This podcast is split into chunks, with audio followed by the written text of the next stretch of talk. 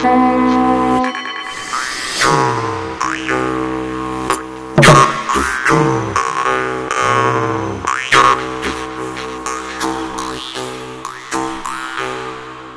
ritu raksti. Labdien! Tradicionālās kultūras raidījumā Laika ritu raksti. Šodienas raidījuma temats - rīta zvaigzne, auseklītis, kas ir viens no zvaigznes zīmes atvasinājumiem latviešu kultūrā. Auseklīti kā astoņstūrainās zvaigznes sinonīmu sākuši lietot latviskā ornamenta pētnieki 30. gados.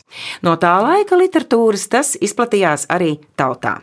Cik liela nozīme auseklītim bija un ir latviešu tautas kultūrā, jautāšu šīs dienas viesiem - folkloristei Janīnai Kursītei, latviešu tradīciju zinātājai Edītei Olupei un arheologam Guntim Zemītim.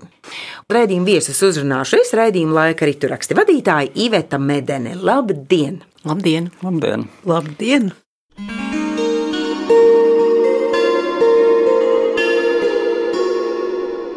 Rakstu zīmes un simboli. Auseklis ir mitoloģisks tēls latviešu folklorā, viens no biežāk pieminētajiem mitoloģiskajiem debesu iemītniekiem tautas dziesmās. Dainu tekstos nolasāma visai plaša saules ģimene, mēnestiņš, auseklītis, pērkons, austras koks un citi. Šīs zīmes nenoliedzami liecina par mūsu senču geometriskās kārtības izpratni. Janīna, vārds tev par šīs zīmes simbolisko jēgu.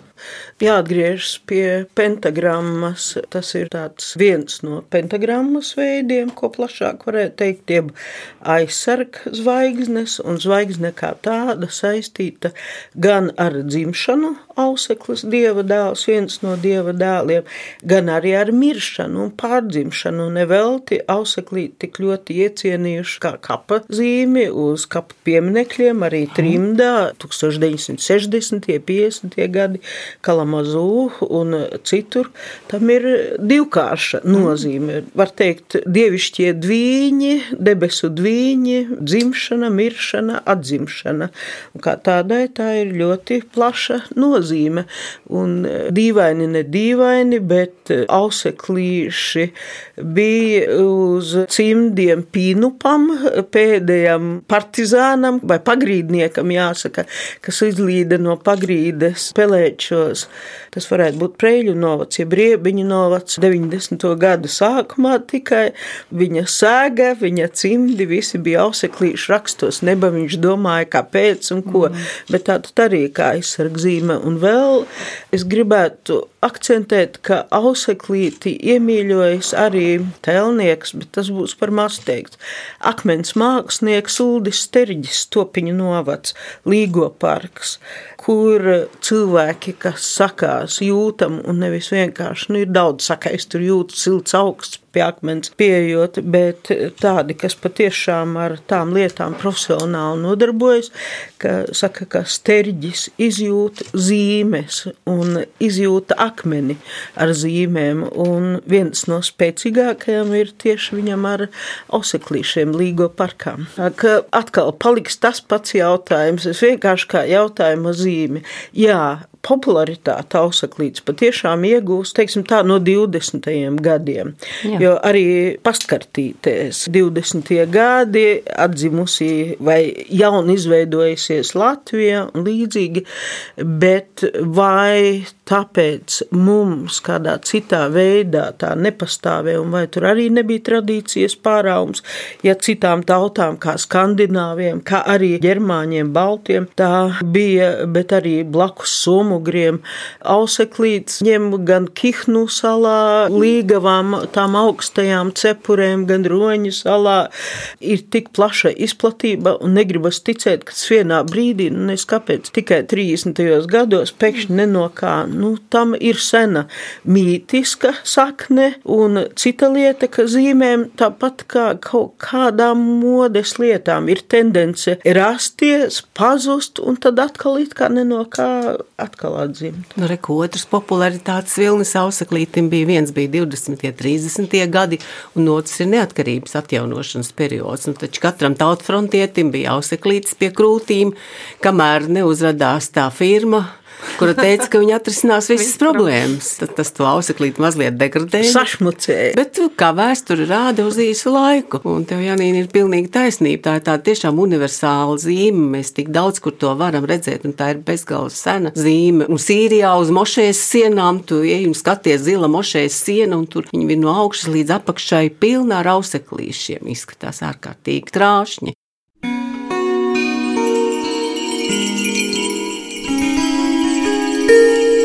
Rakstu zīmes latviešu tautas kultūrā.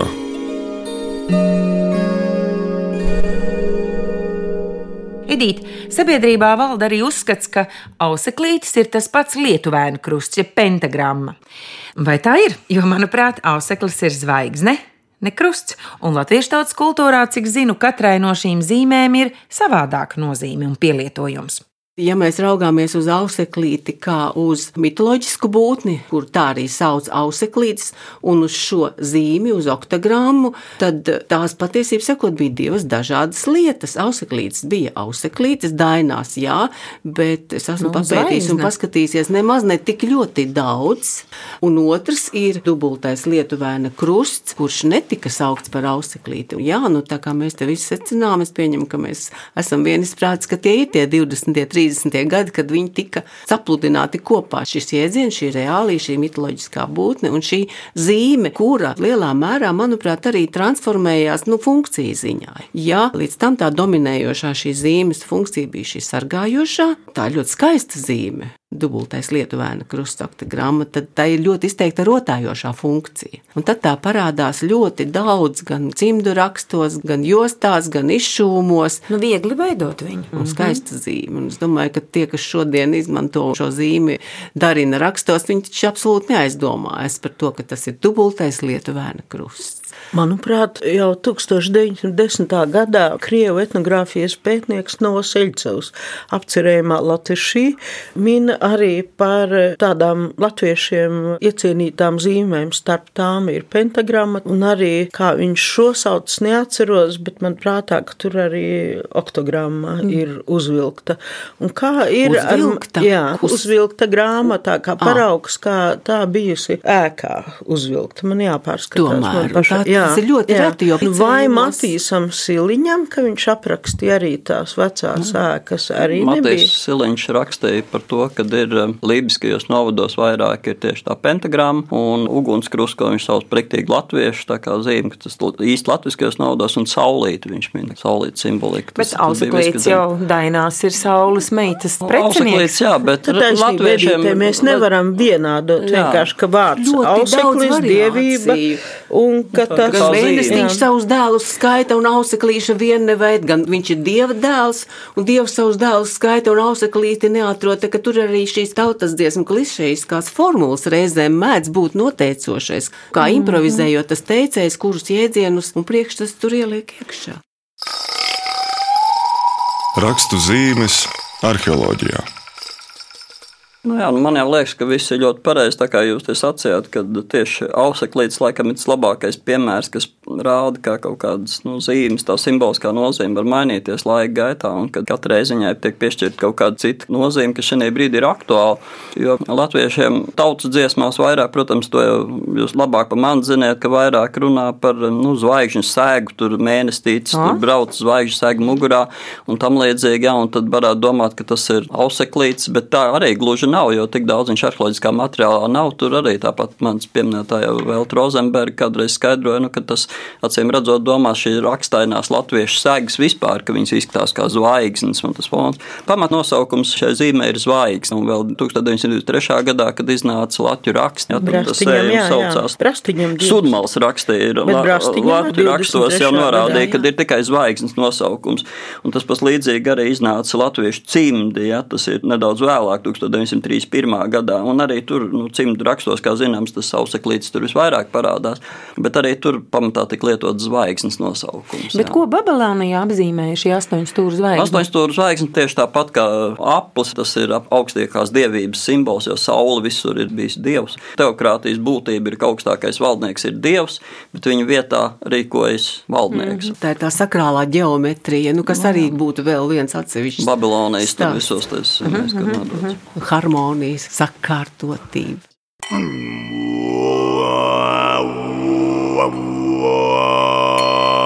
Rakstu zīmju senais mantojums. Es atradu uz celiņa, ejā uz celiņa, dieva jātu kumeliņu, hejā kumeliņu. Caur segliem saulē lēc, hejā saulē lēca, cauriem augtu mēnestiņas, hejā mēnestiņši. Pavadiņas galiņā, hejā galiņai, auseklītis ritināja, hejā ritināja. Edīte, kāda tad agrāk ir bijusi tā galvenā auseklīša funkcija? Gan pentagramma, gan oktagramma, jeb auseklītis, kā jau mēs te arī tajā iepriekšējā reizē runājām, vai lietuvēna krusts vai dubultais lietuvēna krusts. Visas šīs zīmes vieno, un tas, kā Gunts teica, ka tā ir zvaigzne, ka tā ir saulīte, un ka tā funkcija ir bijusi sargāti tā sargājošā funkcija ir bijusi ļoti izteikta, un tādēļ arī šo zīmi uzvilka visur tur, kur ir svarīgi sargāt šo savu vidi, savu zemi, savu māju, un arī uz sliekšņa šīs zīmes tika vilktas, un tad man ienāca prātā viena ārkārtīgi interesanta līdzība, jo latviešiem ir tāds ticējums, ka pār slieksni nedrīkst sasveicināties, pār slieksni neko nedrīkst dot. Ja? Nu, tad tu vismaz ar vienu kāju pārkāp tā otra cilvēka pusē, kam tu kaut ko gribi dot, un tad ņem. Kāpēc? Tādēļ, ka citādāk tu nožņauksi savu laimi vai aizdīsi savu laimi. Bet tad es nejauši pasen jau uzdūros kādam ķīniešu hieroglifam, kurš apzīmē jēdzienu laime. Un, nu, hieroglifs ir hieroglifs, ļoti komplicēta zīme, un tā tika attēlot, ka tāda ļoti izteikta māja ar jumtu, ar sienām un ar ļoti, ļoti izteiktu sliekšņa līniju. Varētu arī šādas paralēlas vilkt. Tie jēdzieni diezgan universāli. Arī meitenei precoties, tas ir sliekšņa pārkāpšana. Tur no nu, kādas tradīcijas ļoti daudz ir šīs sliekšņa simbolikas vēl šodien. Tāpat arī mirstot, nu, tā ir arī robeža, kas jāpārkāp no dzīvo pasaules uz citu pasauli. Protams, jā. Nav siklīts kā zīme, varbūt ļoti arī ļoti spēcīgi manifestējuši tieši uz šādām robežām. Tad nav auseklītis tā, ka apglabā zem sliekšņa, lai tad nenāk pie dzīvajiem. Nē, nav auseklītis, jā. Protams, protams, kad eh, Latvijas republikas laikā jau auseklīšu zīme daudz izmantoja. Arī aizsargu organizācijas simbols. Aizsargi jau pat pa sevi ir aizsargājoša organizācija, kas sargāja gan no ārējiem ienaidniekiem, gan iekšējiem palīdzēja nu, cīnīties pret banditismu. Arī viņa simbolikā ļoti arī populāri un iecienīta, neapšaubām.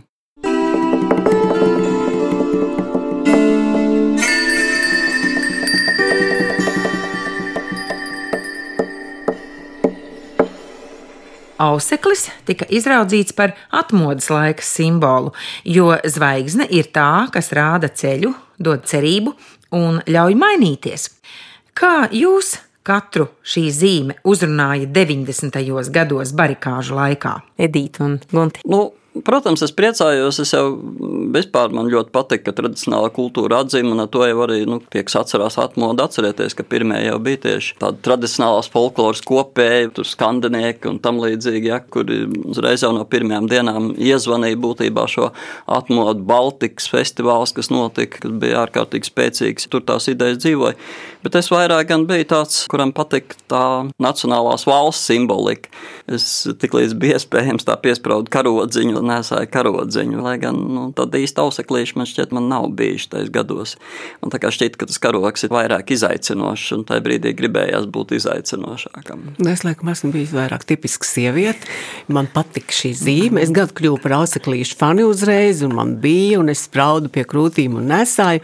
Un es domāju, ka mani vislabāk droši vien sapratīs ik viens, kurš ir piedzīvojis padomju gadus un pabijis oktobrēnu kārtā, kurš ir bijis spiests oktobra brēnu piecstaru zvaigznīti ar mazo Valoģu Uljānovu, mazo Ļeņinu. Paldies, muku bērniņu. Jā, jā, tad eh, es domāju, jebkurš, kurš ir bijis oktobrēns, ar lielu prieku nomainīja šo simbolu, šo piesprādu pret auseklīti. Jā, visam savs laiks, un jebkura zīme arī piedzīvo savus kaut kādus labākos laikus un kaut kādu apogēju.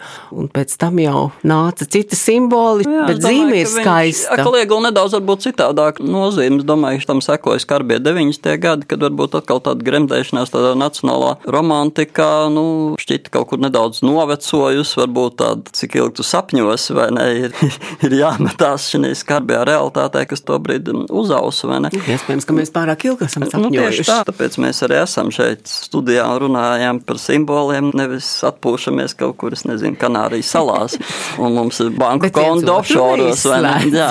Bet es domāju, redzēt, nu, ka kādreiz mūsu leģendārais pulkvedis Briedis esot sacījis, domāju par strelnieku karogiem, un viņš sacīja, ka nevajag viņus pārvērst par tādām bilžu grāmatām, ka tur vajag vienu skaidru latviešu zīmi? Nu, jautājums, kur toreiz varētu būt, nu, toreiz divas bija, man liekas, ļoti populārs, tas bija ugunskrusts un latviešu saulīt, nu, uzvarēja jau saulīt tomēr, bet, nu, auseklīšu laiks arī pienāca atmodas gados, un tā tiešām kļuva par tādu vienojošu latviešu zīmi, nu, labi, es vairāk staigāju ar karodziņu tajā laikā, bet, nu, Tāpat es biju auseklīšu piekritējis un auseklīšu laika bērns. Domāju, ka šai zīmē ir tāda arī, manuprāt, stipri pārlaicīga nozīme, jēga funkcija, līdzīgi kā tas pats namēja grezens, kur mēs varam diskutēt jā, par to, cik tas jā. ir īsts, cik tur ir falsifikācijas un kuru tad īsti sauca par namēja grezenu un vai šis maz ir īstais, bet jebkur pasaulē, kur mēs sastopam kādu cilvēku, vienalga vai tas ir Latvijā jā, vai otrs pus okeānam, ja kādam ir pirkstā namēja gredzens, tad tā ir piederības zīme. Mēs zinām, ka tas ir viens latvietis. Un ja šodien mēs redzam auseklīti, Jā, varbūt izņēmumi, varbūt tur ir kāds sīrietis mums pretī nāk, bet ļoti bieži tas tomēr būs latvietis, mm. kuram būs vai nu cimdos iausts vai kādā Grīna citā. romānā jau nemaldos, tas bija Vanaks, kas turēja tur rudzu vārpu tādu vainagu nagos, bet eh, jā, izvēlējās šo gredzenu ar pīto priekšpusu un pilnīgi pareizi tas ir kļūst par tādu latviešu savstarpējās pazīšanās zīmi. Jā, ir svarīgi šajā laikā turēties pie tādām lietām, kas ļauj mums identificēties ar to, ka mēs esam latvieši, ka tā ir mūsu lepnums globalizācijas tendences to pastiprina. Nu, tieši tā, jā, kad e, globalizācija tieši izraisa arī savu pretējo, tvērties pie kaut kā stabila. Tāpēc, labi, ka ir jā, jā, tieši tā, un tāpēc arī cilvēki arī bieži vien apvienojas kaut kādās citās organizācijās, nu, kaut vai studentu korporācijas vai tādas lietas, vai kaut kādu futbola fanu tur līdzjutēju klubi, nu, kur dažādi, kur tu vēlēs tomēr būt piederīgs, Jo nu, tāda vide, kur tu neesi pilnīgi bez saknēm, ja arī tu jūties vientuļš. Nu, jūs zināt, ka cilvēks nekad nejūtās tik vientuļš kā lielā pilsētā. Un tāpat arī tādā milzīgā sabiedrībā, kur nav tavs tāds stabilās identitātes, tu jūties būtībā vientuļš. Tāpēc ir svarīgi turēties pie kaut kā stabila. Nav seklīts, protams, ir viens no stabilajiem.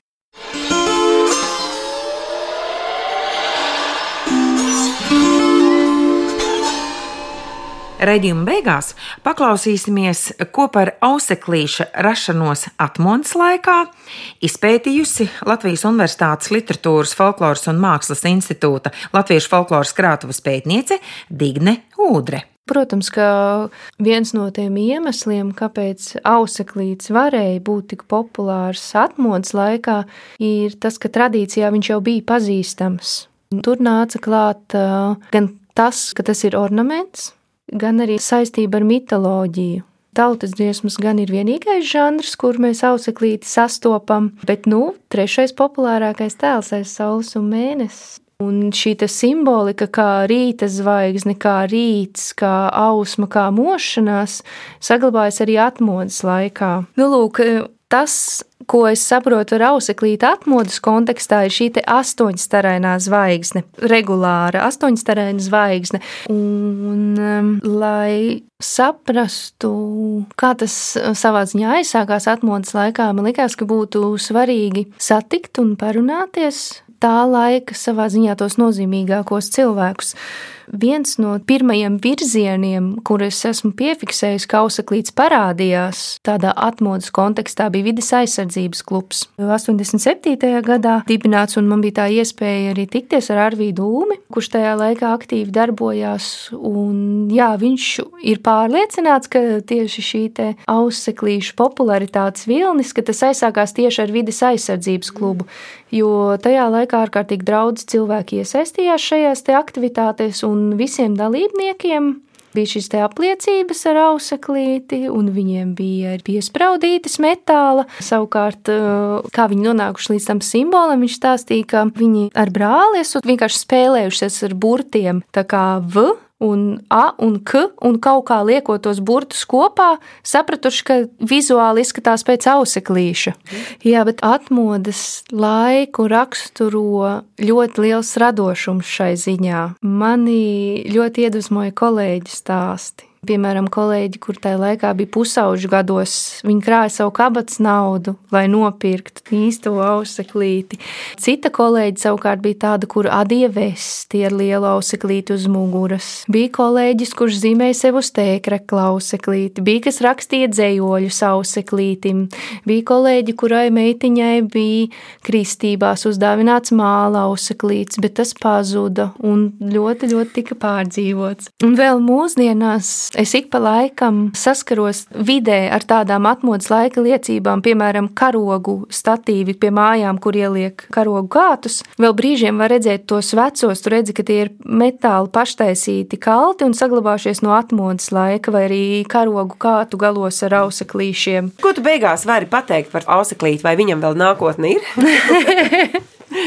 nu, kā man Dainis Īvāns teica, ka tas lielais kosmiskais spēks, kas bija auseklītī, viņš tika izlietots tajā laikā.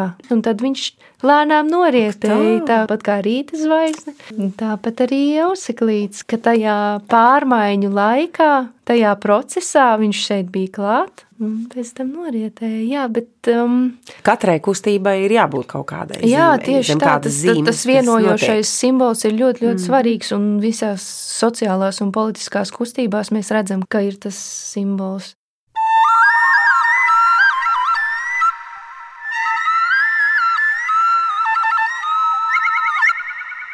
Par rakstu zīmi rīta zvaigzne, jeb auseklīti, tradicionālās kultūras raidījumā laika ritu raksti runāja folkloriste Janīna Kursīte, tautas tradīciju zinātāja Edīte Olupe, latviešu folkloras krātuves pētniece Digne Ūdre un arheologs Guntis Zemītis. Skaņu režijā Reinis Budze, raidījumu vadīja Iveta Medene.